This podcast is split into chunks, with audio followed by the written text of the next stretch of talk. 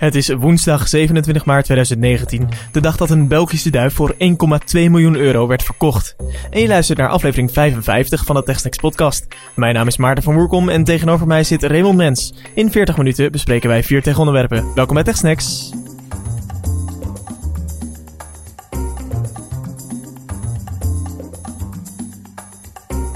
De Vlaamse prijsduif Armando is aan een Chinese nieuwe baas verkocht voor 1,2 miljoen euro. En hij was van een uh, Belgische duivenmelker. En hij is een van de meest succesvolle lange afstandsduiven die België ooit heeft gekend. Maar er is ook slecht nieuws voor de duif. Want um, hij mag nu waarschijnlijk niet meer uitvliegen. Want hij is veel te kostbaar. Dan zouden mensen hem kunnen stelen. Dus dan ben je een succesvolle duif. Word je verkocht. En dan mag je niet meer doen waar je goed in bent. Maar waarom zou je het dan willen kopen voor 1,2 miljoen? Nou goed, laat maar. Hey, ja, um, hebben denk ik. Raymond, uh, zaterdag 30 maart. Wat is er dan aan de hand? Dan zijn we weer live te bewonderen. Samen met onze Belgische vrienden van Tech45 worden wij dan even TechSnacks45. En we zijn het leuke voorprogramma van de live uh, sessie van Met Nerds om tafel in de Bali in Amsterdam. Ja, Met Nerds om tafel is twee jaar dan. En uh, maken een honderdste aflevering. En ja. hadden ons als vrienden voor de show, van de show uh, gevraagd om uh, daar een, ja, een, een, stukje podcast te maken voorafgaand aan hun live sessie. En dat doen we maar al te graag. Jij kan hier nog bij zijn, want er zijn volgens mij nog een paar laatste kaarten beschikbaar. Die koop je via mnot.nl. daar zie je vanzelf een linkje naar hoe je bij de kaartverkoop komt. Of via de website van de Bali zijn ze ook te krijgen volgens mij. Hey, um, uh, er doken foto's op, hè? Als we toch even in de follow-up zitten. Um, van de Sonos speakers van IKEA. Ja, daar hebben we het een hele tijd geleden over gehad. Die zijn echt al een jaar geleden aangekondigd of zo. Maar nu worden ze eindelijk concreet. Symfonisk gaan ze heten. Een samenwerking tussen Sonos en IKEA. Dus een echte Sonos. Die met het hele multiroom systeem werkt. Maar dan samen met IKEA gemaakt. En ook in de stijl van IKEA. En op 8 april worden die dingen uit de doeken gedaan tijdens een woonburgs in Milaan. Een van mijn collega's uh, is erbij.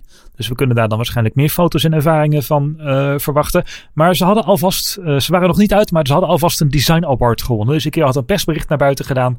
Met kijkers, we hebben deze Design Award gewonnen voor dit product. En daar zaten ook productfoto's bij.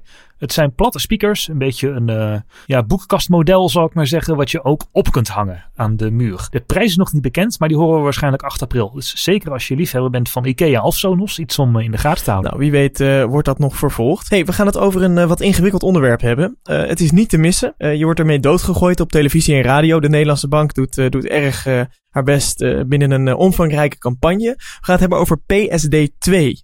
En uh, ja, dat is een vrij een, een, een, beetje plastische afkorting voor iets waar iedereen mee te maken heeft. En uh, deze commercial uh, vliegt je dus om de oren. PSD2 zet de deur open naar andere mogelijkheden om digitaal te bankieren. Zo kunnen nieuwe partijen bij u aankloppen voor toegang tot uw betaalrekening. Om bijvoorbeeld makkelijker betalingen te doen of inzicht in uw uitgaven te geven. Maar dat kan alleen als u daar toestemming voor geeft. Hallo? Belangrijk dus om bij iedere partij goed te kijken of u dat wilt. Hallo? PSD2 bankieren. Nieuwe mogelijkheden, u beslist. Ja, dit is dus een, een, een weinig sexy afkorting. Ik vind het opvallend dat nergens in die hele campagne wordt eigenlijk een beetje duidelijk gemaakt waarvoor het nou, uh, waarvoor het nou staat. Nee. um, maar uh, het staat dus voor een nieuwe herziene wet Europese wet of richtlijn. Uit 2007 uh, stamt die origineel. Dat is de Payment Services Directive. Ik geloof, ik kende hem niet hier voorafgaand. Uh, jij denk ik ook niet. Maar je hebt hier dus dagelijks mee te maken. Oh. En daarom is het toch voor ons wel handig om hier even wat aandacht aan te besteden, hadden we bedacht. Want uh, er gaat echt wel wat veranderen.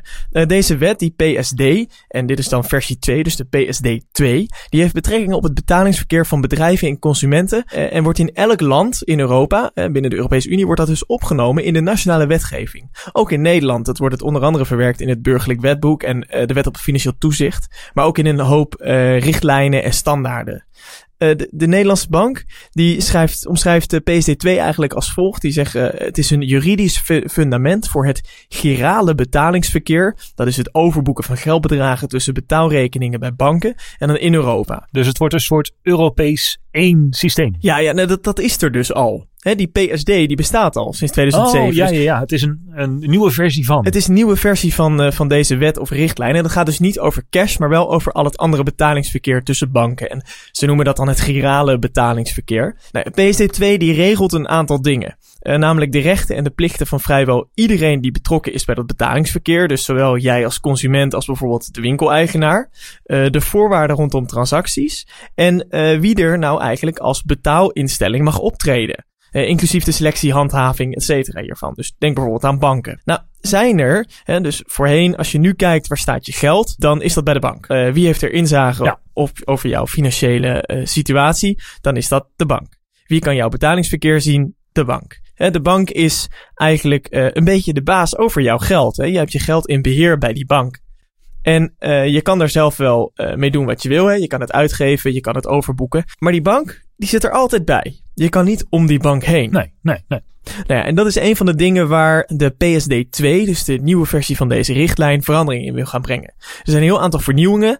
Uh, het heeft een aantal doelen. Vrij samengevat een tweetal uh, overkoepelende doelen. En de eigenaar van het geld, zoals ik net al zei, uh, jij of ik, over mijn geld, of over jouw geld. En die moet de regie kunnen voeren over het beheer van het geld, het betalingsverkeer en de data die hieruit voortvloeit. Want als jij iets met jouw data wil van jouw betalingsverkeer, dan moet je ook bij de bank zijn. Ja. He, dus feitelijk is nu de bank is degene die de regie voert. Je heeft eigenlijk het, het monopolie op jouw data. Um, dan even hoe de Nederlandse bank dat dan uh, uh, zelf formeel beschrijft. Hè. Die zeggen het doel van PSD2 is meer concurrentie, meer innovatie, betere consumentenbescherming en meer veiligheid in het Europese betalingsverkeer. Um, dat is allemaal wat wollig omschreven, maar waar je dus concreet aan moet denken is uh, nieuwe digitale toepassingen. Denk aan uh, een voorbeeld dat ze zelf noemen is een geautomatiseerd huishoudboekje. Uh, maar ook bijvoorbeeld geautomatiseerd financieel advies of nieuwe soort betaalapps. Ja, in de VS is al zo'n aanbieder, daar kun je een hypotheek krijgen via een app. En die app die cruncht gewoon jouw hele financiële gegevens.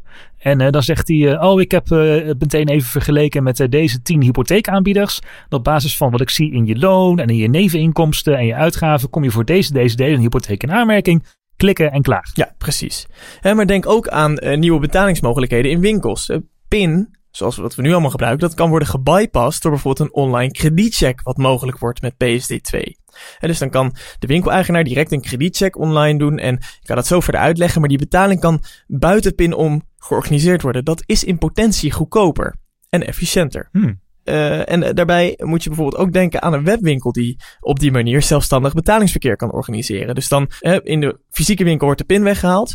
Uh, bij de online winkel komt er dan geen PayPal of Ideal meer aan te pas. Dus de middelman gaat er dan uit, wat weer transactiekosten scheelt. Maar uh, dan zul je denken, oké, okay, oké, okay, dus iedereen gaat aan de haal met die uh, betalingsgegevens en, en, en dat geld. Uh, net in de doelstellingen werd al gesproken over veiligheid. Ja. Dat willen ze op een aantal manieren gaan waarborgen. Um, en de eerste en belangrijkste daarvan is uh, een vergunning. Uh, die gaat in Nederland, de Nederlandse bank gaat die uitgeven. En die gaat dat ook, uh, die gaat erop toezien. Samen met nog wat andere instanties. Maar er zijn twee typen vergunningen die in die PSD2 zijn ja, gecreëerd. Om te zorgen dat deze vernieuwingen wel veilig gebeuren. En dat is best een mond vol. Uh, ze hebben die vergunningen namelijk ja, een soort naam gegeven wat bijna letterlijk zegt wat het is. De eerste vergunning, dat gaat over rekeninginformatiedienstverlening. Oké. Okay. Plastisch begrip. Gaan we even toelichten. Ik heb daar een, uh, een voorbeeldje bij bedacht. We gaan het even hebben over, uh, over jouw uh, nevenactiviteiten, Raymond. Ja, dat zijn er nogal wat. Maar ik ga binnenkort een nieuwe openen. Ja. En die heet verantwoordcomputerscopen.nl. Ja, dat had ik begrepen. Dat is een online tool. En hiervoor heb jij een vergunning aangevraagd als rekeninginformatiedienstverlener. Want bij het aanmaken van je account op verantwoordcomputerscopen.nl geef je Raymond toestemming voor toegang tot jouw bankrekening. Tot jouw bankgegevens. Ja. Raymond kan dus kijken wat voor betalingen jij doet en wat voor geld je ontvangt. Er wordt aanvankelijk eerst geverifieerd of jij wel bij de bankrekening hoort en Raymond moet de gegevens die jij verkrijgt wel volgens de AVG verwerken. Maar het toeltje van Raymond dat zal je betalingsverkeer gaan analyseren en telt alle betalingen bij de Apple Store en alle betalingen bij de Microsoft Store bij elkaar op. Dan heb je dus een kopje Apple Store. Microsoft Store hoef je niks voor in te vullen, want omdat Raymond bij jouw bankrekening kan, kan hij dat betalingsverkeer zelf analyseren. Zijn toeltje kan dat analyseren. Ja, ja, ja. En dat mag hij omdat hij een vergunning heeft als rekeninginformatiedienstverlener. Want wat doet Raymond? Op het moment dat je uitgaven bij de Microsoft Store hoger zijn dan bij de Apple Store, dan krijg je een uh, mailtje met een uh, boos schriftje van een uh, ja, boze Raymond. En dan worden we geen vrienden. Op deze manier, um, met deze vergunning als rekeninginformatiedienstverlener, hè, doet Raymond iets met jouw bankinformatie automatisch, zonder dat jij er iets bij hoeft in te vullen. In het verlengde ligt bijvoorbeeld dat digitale huishoudboekje. Dan even naar, uh, naar dat tweede vergunningtype. Ja. En dat is die van betaalinitiatiedienstverlener. Dat is een mond vol, potverdorie. Ja, mooi Scrabblewoord. Um, maar daar, daarvoor moeten we het even hebben over een geheime webshop uh, van Raymond. Uh, dat is www.microsoftaccessoires.nl. Hier koop je namelijk hele mooie accessoires voor al je Microsoft computers en zo. Heeft hij het liever niet over als Apple fanboy. Maar jij besluit om hier een mooie muis te gaan kopen voor je Microsoft Surface tablet. Nou, Raymond heeft uh, voor zijn webwinkel uh, een vergunning als betaal-initiatiedienstverlener. En op het moment dat jij die bestelling gaat plaatsen en Raymonds webwinkel toestemming geeft voor toegang tot jouw bankrekening, doet Raymond zich als jou voor bij jouw bank en zegt maak 45 euro over naar microsoftaccessoires.nl van Raymond Mens. Er komt dan geen Ideal of iets anders aan te pas. En met zijn vergunning als betaalinitiatie dienstverlening kan Raymond direct die betaling regelen. Uiteraard zijn hier wel wat veiligheidsdingen uh, ingebouwd. Hè. Er wordt eerst gecontroleerd of jij weer bij die rekening hoort. En ook wordt aan die transactie een unieke code verbonden, zodat die maar eenmalig voor die specifieke transactie met dat bedrag ge gebruikt kan worden. Dus voor andere transacties kan je hem niet dan nog een keer gebruiken. Nee, dus je kunt mij niet eenmalig een webshop toestemming geven om altijd van je rekening af te schrijven. Je maakt een soort token aan en met dat token kun je eenmalig een transactie die beperkt is tot die ene keer uitvoeren. Ja, en om te voorkomen dat iedereen aan de haal gaat met iedereen's geld, moet je dus een vergunning hebben als betaalinitiatie dienstverlener. En uh, die geeft de Nederlandse bank uit en daarvoor moet je aan een hele hoop eisen voldoen weer. Je kan ze overigens allebei hebben. Dus stel dat Raymond voor zijn eerste toeltje verantwoord computers kopen, naast toes, eh, dat, hij, dat hij inzicht wil in je betalingsverkeer, dat je daarvoor moet gaan betalen, dan kan hij die betaling regelen als hij een, hè, op dezelfde manier van zijn webshop, als hij zo'n betaalinitiatie dienstverlening vergunning heeft. Dus je kan allebei die vergunningen hebben en dan hè, op allebei de manieren um, ja, inzage krijgen op iemands uh, rekening, iemands geldstromen, et cetera. Ja.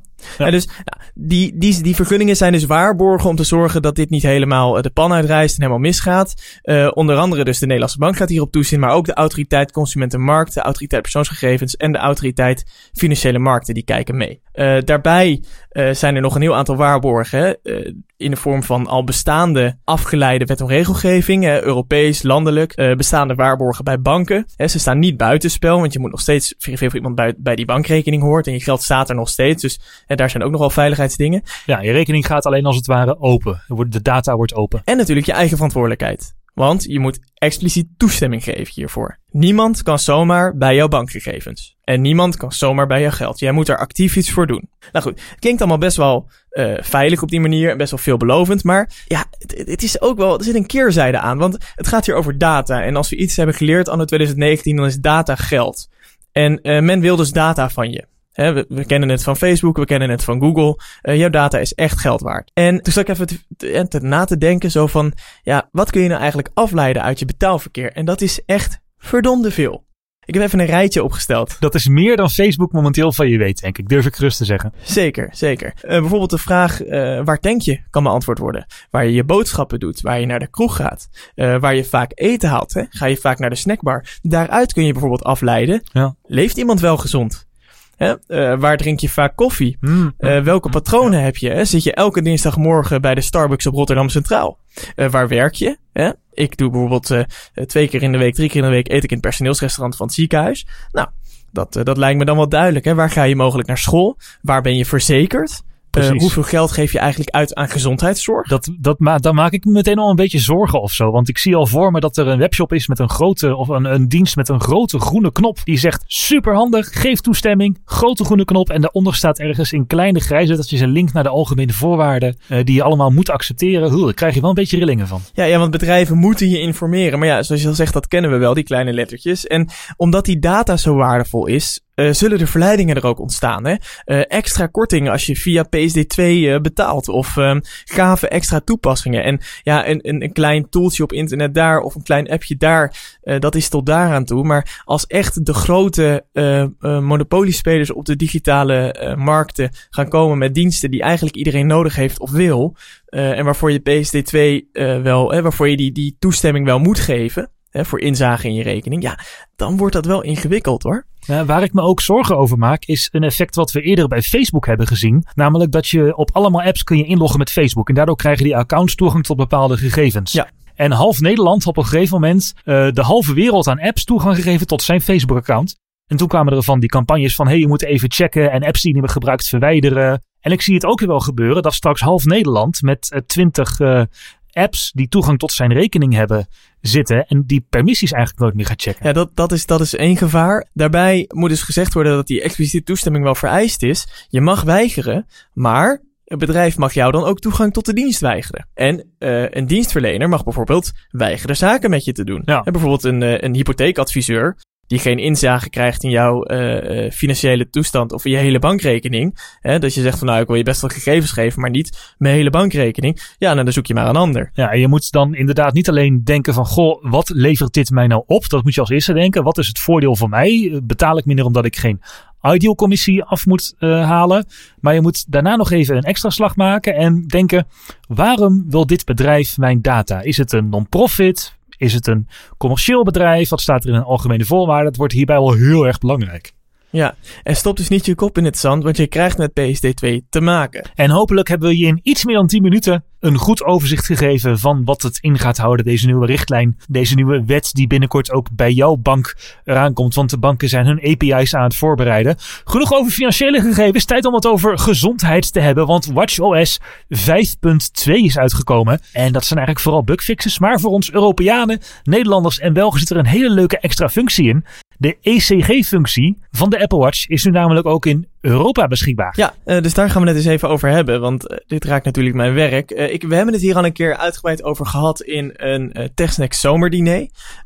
maar ja, het leek me toch goed om het nog even aan te halen nu het voor iedereen beschikbaar komt die de nieuwste Apple Watch heeft. Ja, ik loop al sinds maandag met een Apple Watch rond die het al, die het al heeft. Ik was ervoor naar Parijs voor Apple. Daar sprak ik onder andere ook met uh, Apple's VP of Health, mevrouw Sumbal Desai. Uh, en zij gaf een hele toelichting. Uh, en die functie die zit nu in WatchOS 5.2. Je moet je iPhone ook updaten naar iOS 12.2.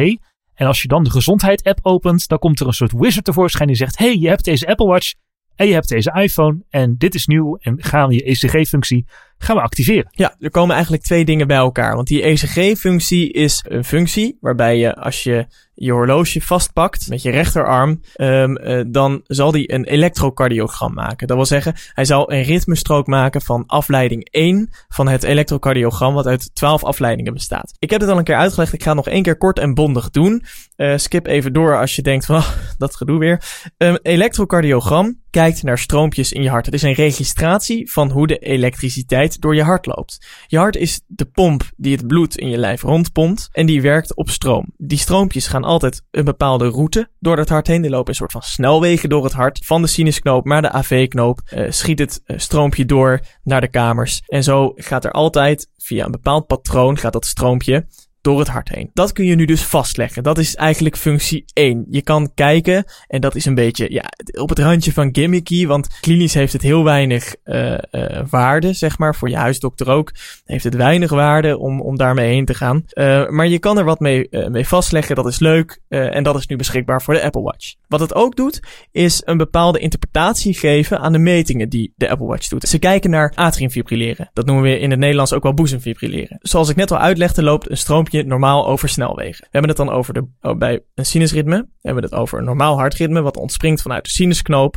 en vervolgens via een normaal pad zijn weg vervolgt. Atriumfibrilleren, dat is uh, een hartritmestoornis die zich manifesteert in de boezems, dus in de bovenkant van het hart, de linkerboezem en de recherboezem. En uh, dan moet je weten dat elke cel in het hart, die kan een stroompje afgeven. Nou, wat er gebeurt bij boezemfibrilleren is dat niet alleen die sinusknoop afvuurt en dat het dan netjes een bepaalde route volgt over die boezems heen, maar wat er gebeurt is dat van alle kanten er allemaal stroompjes worden afgevuurd door die boezems. Dus die boezems die gaan ontzettend snel tekeer. Nou, er zit in het midden van het hart, nou ja, eigenlijk in de overgang van de boezems naar de kamers, daar zit een knoopje, de AV-knoop. En normaal wordt die tussen de 60 en 100 keer per minuut geprikkeld vanuit de sinusknoop. Nu wordt die continu geprikkeld vanuit die boezems, hè, door dat atrium fibrilleren. Fibrilleren is eigenlijk, ja, uh, de, de, de Belgen zeggen dat heel mooi, dat is fladderen. Dus het, het fladdert echt een beetje. Er gebeurt niet zo heel veel meer. Uh, het knijpt niet mooi samen.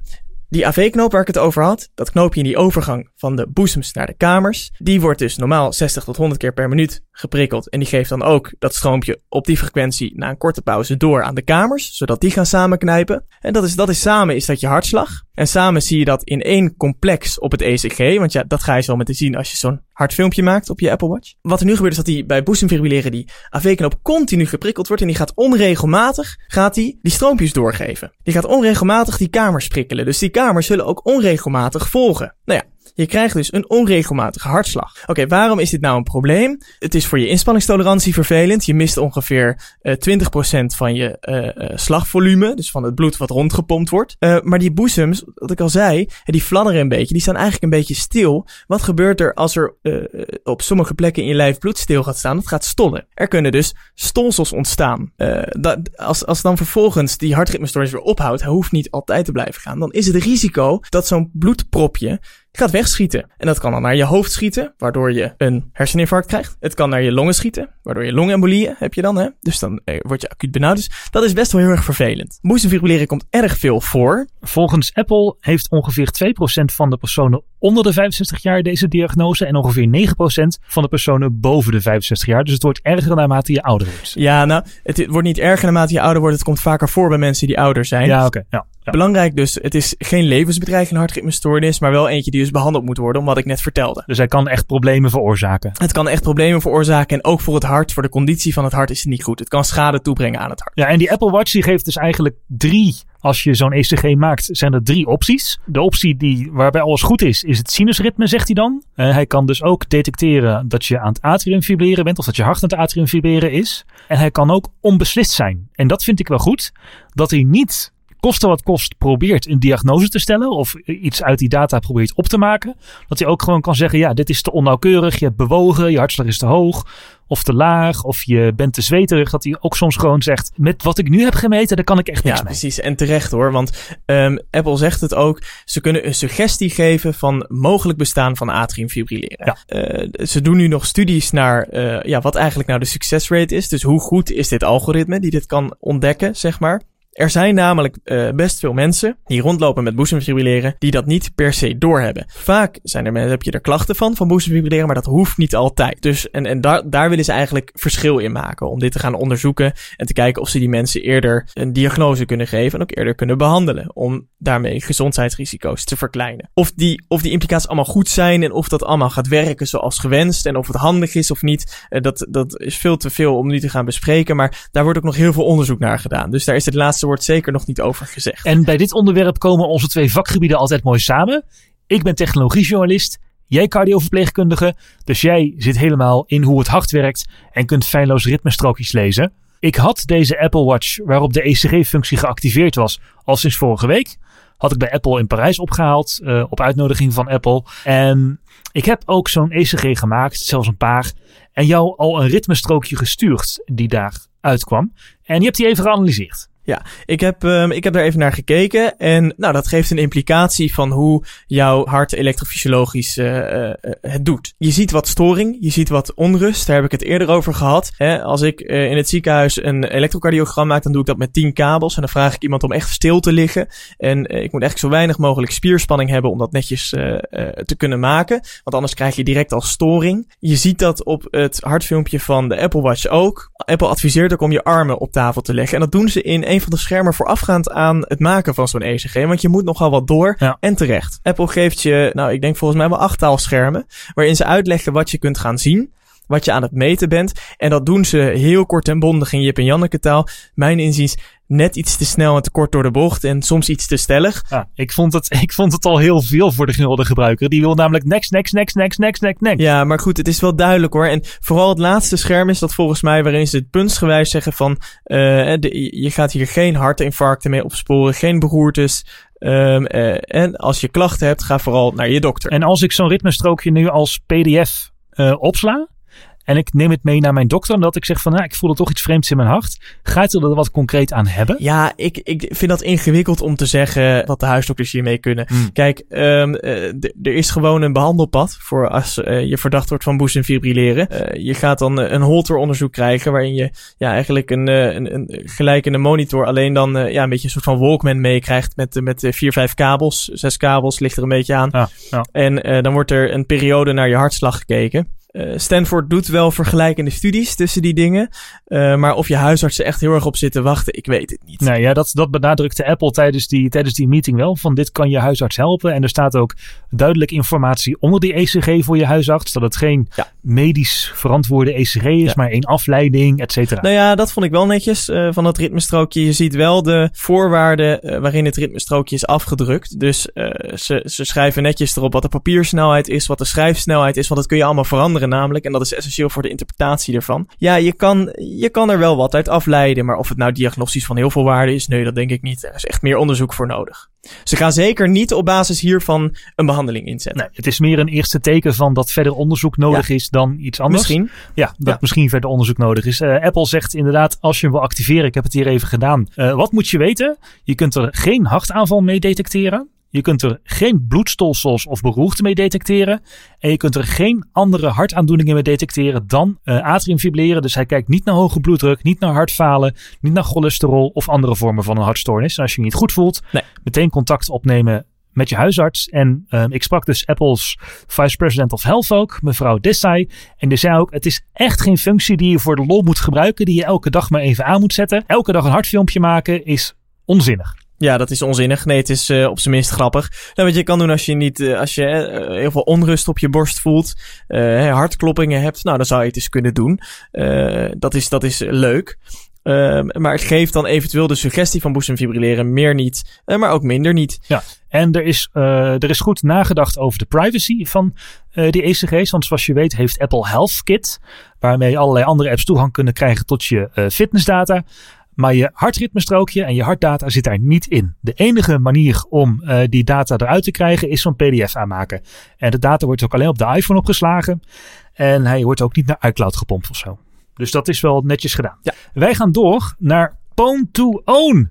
Ja, Zegt dat je wat? nou, ik heb het voorbij zien komen, maar iets met Tesla, iets met hacken, eh engigheid. Ja, het, het klinkt heel eng. En het is ook dan een, een conferentie voor hackers. Maar wel een conferentie voor goedaardige hackers. Voor white hat hackers. Oh, gelukkig. En die gaan eigenlijk gewoon een eh, wedstrijdje. Wie heeft de langste, wie heeft de beste hack doen. En eh, fabrikanten van software, waaronder onder andere Microsoft, Apple en dit jaar ook voor het eerst Tesla. Kunnen dan software of apparaten beschikbaar stellen. En daar mogen die hackers dan op losgaan. En eh, dit jaar is er be- behoorlijk wat de pan ingehakt. Toch wel, hè? En op Pwn to Own wordt vaak met teams gewerkt. En er waren twee hackerteams die zich op Apple's Safari browser hebben gestopt. Zowel op de iPhone, iPad als Mac.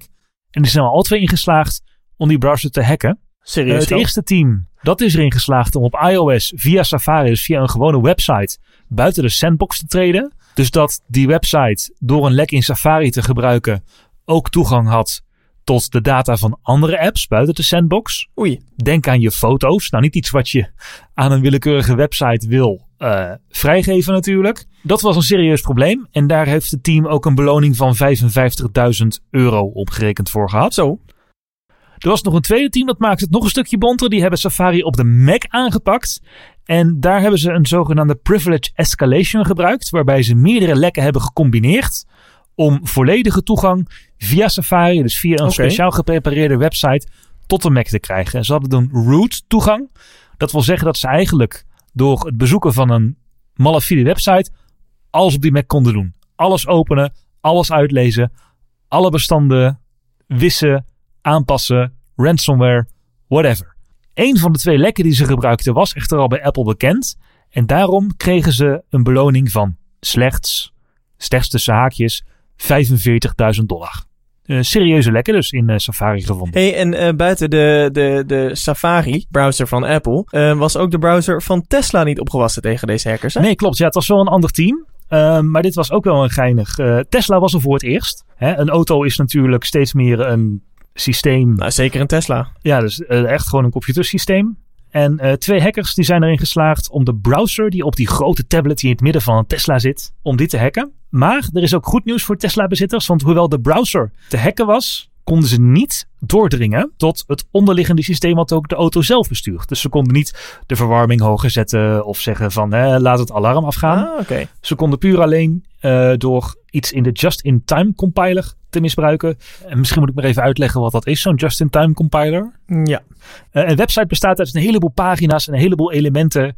En je gaat eigenlijk pagina voor pagina naar een website. Je gaat niet de hele website alvast laden als je toch maar één pagina opvraagt. Of als er toch maar één deel in het scherm is. Stel als je een hele lange website hebt, dan wordt door die just-in-time compiler alleen op het scherm getoond waar jij naar kijkt. Dus dan wordt de computer eigenlijk ontlast, Ja. waardoor je niet die hele site hoeft te laden. Op oude iPhones kon je vroeger nog wel zien dat hij er even moeite mee had. Als je snel scrolde, dan moest hij even de website samenstellen. Ja. Nou, tegenwoordig zijn die compilers heel snel, maar dat mechanisme dus dat ervoor zorgt, daar zat een eh, lek in. En die hackers kregen maar 35.000 dollar aan prijzengeld. Oh, Maar ze kregen ook de Tesla Model 3 die ze voor het hacken gebruikten. ah, oké, oké. Dus dat was wel, eh, was wel leuk. Nou, en er waren ook een heleboel andere fabrikanten aanwezig bij Pwn to Own. Eh, ik had het al over Apple, maar Microsoft Edge is ook de panning gehakt. Firefox is behoorlijk gehackt. En wat ik wel eng vond, is dat er ook kwetsbaarheden in VirtualBox en VMware zijn gevonden. Hmm. Dat, zijn, eh, dat is virtualisatiesoftware. De software waarmee je een computer binnen je computer kunt maken. Ja. En het idee is dat die compleet gescheiden zijn. Alleen nu eh, zijn hackers tijdens Pwn to Own er toch in geslaagd om vanuit dus een virtuele machine die op een computer staat, alsnog door te dringen tot de computer waar die virtuele machine op draait. Dus vanuit de virtuele machine Oei. doordringen naar de eigen hardware van de computer. Dus er is genoeg te patchen voor de fabrikanten. Er is genoeg te patchen. En hè, nu denk je misschien, oh, ik draai Windows op een Mac met VMware of met Parallels of met VirtualBox. Eh, dat is misschien niet heel erg kritisch dan. Maar het internet bestaat ook steeds vaker uit virtuele servers. Hè? Vroeger kon je webhosting nemen, maar tegenwoordig kun je ook een VPS, een Virtual Private Server nemen, waarbij je zo'n server in meerdere stukken wordt opgehakt en één deel Ja. helemaal voor jou is, als echte virtuele server. En dan wordt het natuurlijk riskant als servers daar elkaars data op kunnen gaan vragen. Hè? Wie weet, ja, ja, verwerk jij een berg PSD2 data op een server en staat je buurman die vrolijk op te vragen, ja dan, Dan hebben we wel een probleem, ja. dan hebben we wel een probleem. Eh, het was in Vancouver, Canada en er is eh, in totaal meer dan 8 miljoen dollar, Zo.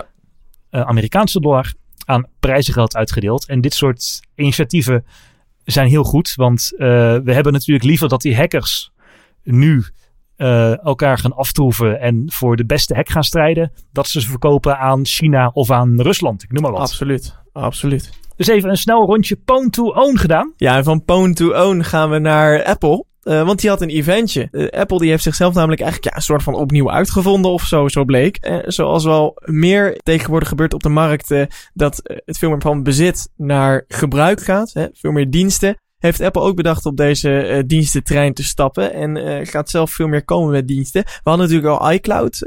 maar nu komt er ook entertainment uit Cupertino. Het was wel het meest lauwe event ja, wat Apple de laatste tijd heeft georganiseerd. Ja, dit was echt een event waar de gemiddelde Apple-fan die naar zo'n event kijkt echt nog even aan moest wennen hoor. Dan we natuurlijk nieuwe iPads, nieuwe Macs, nieuwe AirPods. Die waren vorige week allemaal gekomen. En dit ging echt helemaal over entertainment en over diensten. En dan ging het ook nog over diensten die vaak niet direct beschikbaar zijn of niet naar Europa komen. Dus ja, ehm, Wat was er wel voor ons te halen als Europeanen? voor ons Europeanen is er een all-you-can-game dienst, een tv-dienst en een soort concurrent van Netflix. En we krijgen niet een all-you-can-read dienst en ook geen creditcard van Apple. Nou, laten we even bij de twee diensten die we niet krijgen beginnen.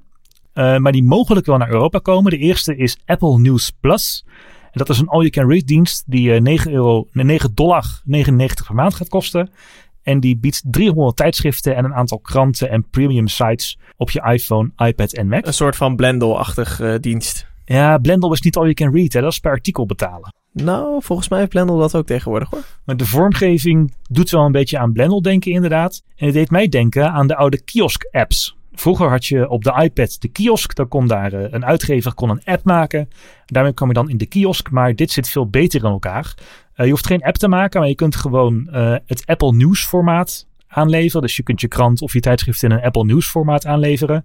En het is helemaal responsive, dus het werkt op de iPhone, de iPad en ook op de Mac. En eh, het wordt dus automatisch eh, mooi gemaakt.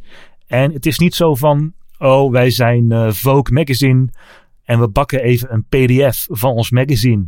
En dat sturen we naar iedereen. Nee, het is echt een eigen formaat. Oh ja. Wat er zorgt dat het mooi leesbaar is op alle apparaten. En ook dat je animaties kunt doen, geanimeerde covers, infographics, video's, dat soort dingen. Nou, grote Amerikaanse namen zijn aan boord. Time Magazine, Vogue, People, National Geographic, alle grote namen. Er zijn ook kranten, zoals de Wall Street Journal en de LA Times, niet de minste. En ook digitaal diensten zoals de Skim en TechCrunch, die hebben tegenwoordig een premium site. Die doen mee. Maar zal het naar Europa komen? Ja, Apple zei van wel. Ze zeiden naar Europa komt het eind dit jaar, namelijk naar het Verenigd Koninkrijk. Toen dacht ik, hmm, Ja, ja, ja. is dat dan nog Europa dan? Dat is tricky, hè? Ehm, maar ze zeiden, en daarna ook verder naar Europa, noemden ze geen tijdspannen, maar de deur staat dus open voor Nederland en België. Het zal wel even duren, want die dienst wordt ook gecureerd. Dus er zijn ook editors en journalisten die daar eh, bijvoorbeeld eh, bundels samenstellen van, oh, dit artikel uit Macworld is interessant en uit dat andere computertijdschrift moet je dit lezen. Dat voegen we samen onder het kopje tech. Dus die teams moeten allemaal nog gevormd worden. Ja. En ik heb even geïnformeerd bij grote uitgevers in Nederland en eigenlijk is nog niemand benaderd voor deze dienst. Dus dat zal nog wel even op zich laten wachten. En wat ze ook op zich zal laten wachten is de Apple Card. Eh, die had ik niet aanzien komen. Dat is een uitbreiding van Apple Pay. En eigenlijk een eigen creditcard van Apple. Ja. En dat is de creditcard voor de iPhone-generatie. En dat werkt namelijk helemaal via de Wallet-app. Het, ja, het staat op vijf pijlers. Hij is makkelijk aan te vragen. Direct vanaf je iPhone kun je meteen doen. Eh, er zijn geen verborgen kosten. het is een eh, relatief lage rente. Mm, Voor Amerikaanse begrippen wel. voor, voor Amerikaanse begrippen. Dan moet je denken ergens tussen de 14 en 20 procent als je je niet op tijd Je schrikt je hier helemaal eh het rim aan. er zijn eh, eh, concrete beloningsprogramma's voor het gebruik van de kaart. Je krijgt direct geld terug en eh, geen puntspaarprogramma's of zo. Ehm, je krijgt echt, eh, nou ja, als je hem gebruikt, word je beloond. Ja, je krijgt geloof ik van elke betaling die je met je iPhone doet, via Apple Pay dus gewoon, krijg je 2% cashback. Als je de fysieke kaart, ze hebben ook een hele sexy fysieke kaart van titanium. Oeh, die wil ik wel. Alleen om de looks. Ehm, krijg je 1% terug. En alle aankopen die je bij Apple doet, zij het in de App Store of in de Apple Store, krijg je 3% cashback. Ja, en eh, ze garanderen volledige privacy en eh, beveiliging. Eh, hoe dat hier in, eh, in Nederland dan eh, zou gaan, als het hierheen komt of naar de Europese Unie komt, hoe dat dan met PSD2 samen gaat, ik ben benieuwd. Maar vooralsnog komt het niet in Nederland of in Europa. Er is namelijk een exclusieve samenwerking met Goldman Sachs en het komt deze zomer in de VS. Wat wij wel krijgen is Apple Arcade. Yay! All you can game. Zie je een bepaald ehm, patroon ontstaan? All you can read, all you can game. Ja, eh, we willen alles entertainment altijd voor zoveel we alles, alles, alles. Heel veel. Alles. Goed. Nee, ja, all you can game. Geld per maand. Eh, voor, ja, ja, je gaat eh, heel wat abonnementen erbij krijgen als je het allemaal wil. Je kan meer dan 100 games voor iOS, macOS en tvOS. Ja, ja, de Apple TV wordt een console. kun je krijgen met Apple Arcade. En hier vond ik wel een, een belangrijk nuanceverschil tijdens de presentatie in zitten. Apple zei, in de App Store zijn momenteel geweldige gratis games. Die zijn fantastisch en we houden van de ontwikkelaars en helemaal top. En in app aankopen, daar verdienen wij ook aan, zeiden ze niet, maar dat was de achterliggende boodschap. Jee, maar er zijn ook games die je in één keer kunt kopen. En we dachten, het is wel tijd om iets te doen voor premium games. Daar ben ik het eigenlijk wel mee eens. Want Ja. die in-app aankopen bij gratis games lopen misschien wel een beetje de spuigaten uit. En wie gaat er nu nog 8 euro uitgeven eenmalig voor een game? Dat is wel een beetje een uitstervend ras. Ja. En als we dus al die premium games bundelen in één dienst. En ze gaan ook ontwikkelaars actief helpen en financieren met het maken van die games. Dan is er ineens wel een toekomst zonder die vreselijke in-app aankopen. Dus dat vond ik wel positief om nog even te benadrukken aan deze Ja, dienst. maar dan moet je wel 9,99 per maand gaan betalen. Ja, de, de prijs weten we niet. Of het 99 wordt, weten we dus niet. Nee, ja, dat zal toch wel. Ja, misschien wordt het 5,99, 4,99. Misschien wordt het 25,99. Je weet het niet. We gaan het in het najaar zien. Eh, dat heeft te maken met... Ehm, dat ze ook naar de Mac en de Apple TV komen. En Apple is al bezig met een initiatief voor universele apps, Project Marzipan. Daardoor zijn nu ook de, bijvoorbeeld de woning app en de voice recorder app zijn op de Mac beschikbaar. En dat is nog een beetje in beta fase. Dus die ontwikkelaars moeten eerst toegang krijgen tot die definitieve, dat definitieve framework om ze ook naar de Mac te brengen. Maar dan komen ze dus op iPhone, iPad en Mac. Wordt de Mac ook meer een beetje een gameapparaat. Oh ja. En Apple spreekt van meer dan 100 games. Ik heb vandaag eens een flinke jacht geopend op eh, welke games het allemaal zijn. En er zitten best wel grote namen bij. Zoals Lego, Sonic, Sega. Maar ook een heleboel kleine game studiootjes. Dus, ehm, twee man die eh, bijvoorbeeld eh, het leuk vinden om aan een game te werken. In het verleden een premium game hebben uitgebracht. Nou, die zijn ook, een heleboel van de studio's zijn aan boord. Ik heb er 33 van de 100 kunnen vinden. En ik heb ze op een rijtje gezet. Ik zal het artikel in de show notes zetten. Dan kun je zien wat er onder andere eh, beschikbaar gaat komen via Apple Arcade. Komt in het najaar. Uh, prijs nog onbekend, wel in Nederland. Ja, en uh, nog meer naar Nederland uh, vanuit Cupertino. Want op die Apple TV kun je niet alleen meer spelletjes gaan doen, je kan ook meer tv gaan kijken. En daar is hij immers voor. Apple TV Channels en de TV-app. Ja, de TV-app die was in de Verenigde Staten al beschikbaar. Die komt nu ook naar Nederland. En het wordt een soort hub voor alle content. Dus Apple wil daar films, series, sportevenementen, live, nieuwsprogramma's, zoals ze er allemaal in bundelen. En het idee is dan dat je maar één keer met je Apple ID in hoeft te loggen. En daar meteen naar alle diensten kunt gaan. Dus geen apart account voor dienst X, Y en Z. Nee, gelukkig kun je abonnementen nemen. Want uh, die had je misschien nog niet. Maar je kan je abonneren uh, via die uh, Apple TV op streamingsdiensten en betaalzenders. Bijvoorbeeld HBO, Showtime, uh, Epic, Stars, CBS All Access. Een aantal voorbeelden die Apple... Dat zijn dan de channels waar je je op kunt abonneren. Dus hè, die TV-app krijgt eigenlijk twee delen. Gewoon het traditionele wat je op iTunes hebt gekocht ooit. Misschien is het het einde van iTunes, ik hoop het. Wat je op iTunes hebt gekocht ooit, dat zie je erin. Aangevuld met aanbevelingen, welke je nog meer wil kijken in een mooi overzicht. Als je kabelprovider ondersteunt, kun, kun je ook met je kabelabonnement inloggen. Dan heb je geen vieze decoder meer nodig. Heel fijn zou ik dat vinden. En die channels zijn inderdaad streamingdiensten en betaalkanalen waar je je apart op kunt abonneren. Het zijn eigenlijk drie dingen. En bij die channels, eh, Netflix doet niet mee. Oh. HBO wel. En het zijn allemaal een beetje de kleinere diensten die ze combineren. Wat op zich wel gunstig is. is maar 9,99. Per dienst misschien wel, ja. Je weet het niet. Of misschien zeggen ze, oh, koop nu deze vijf diensten in één en koop ze voor 20 euro. Ja. Die, die TV-channels, die zijn nog een beetje onduidelijk of die in Nederland komen. Dus die app, die TV-app komt wel naar Nederland. Maar ze noemden eigenlijk alleen maar Amerikaanse diensten die in die channels beschikbaar zijn. Ze noemden wel uh, kanaal digitaal, nee, kanaal plus. En dat hebben we in Nederland soort van wel, soort van niet. Dus het is nog hm. een beetje afwachten. We gaan het zien. Wat we, je noemde Netflix al even. Uh, de uh, concurrent uh, van Netflix vanuit Apple. Die is ook gelanceerd. Apple TV Plus. Daar gaan we het een andere keer nog uitgebreid over hebben. maar die komt ook naar Nederland. Ja, die komt ook eind dit jaar. En er zijn allemaal hele leuke grote namen. zoals Steven Spielberg, Jason Momoa. wie hebben we nog meer?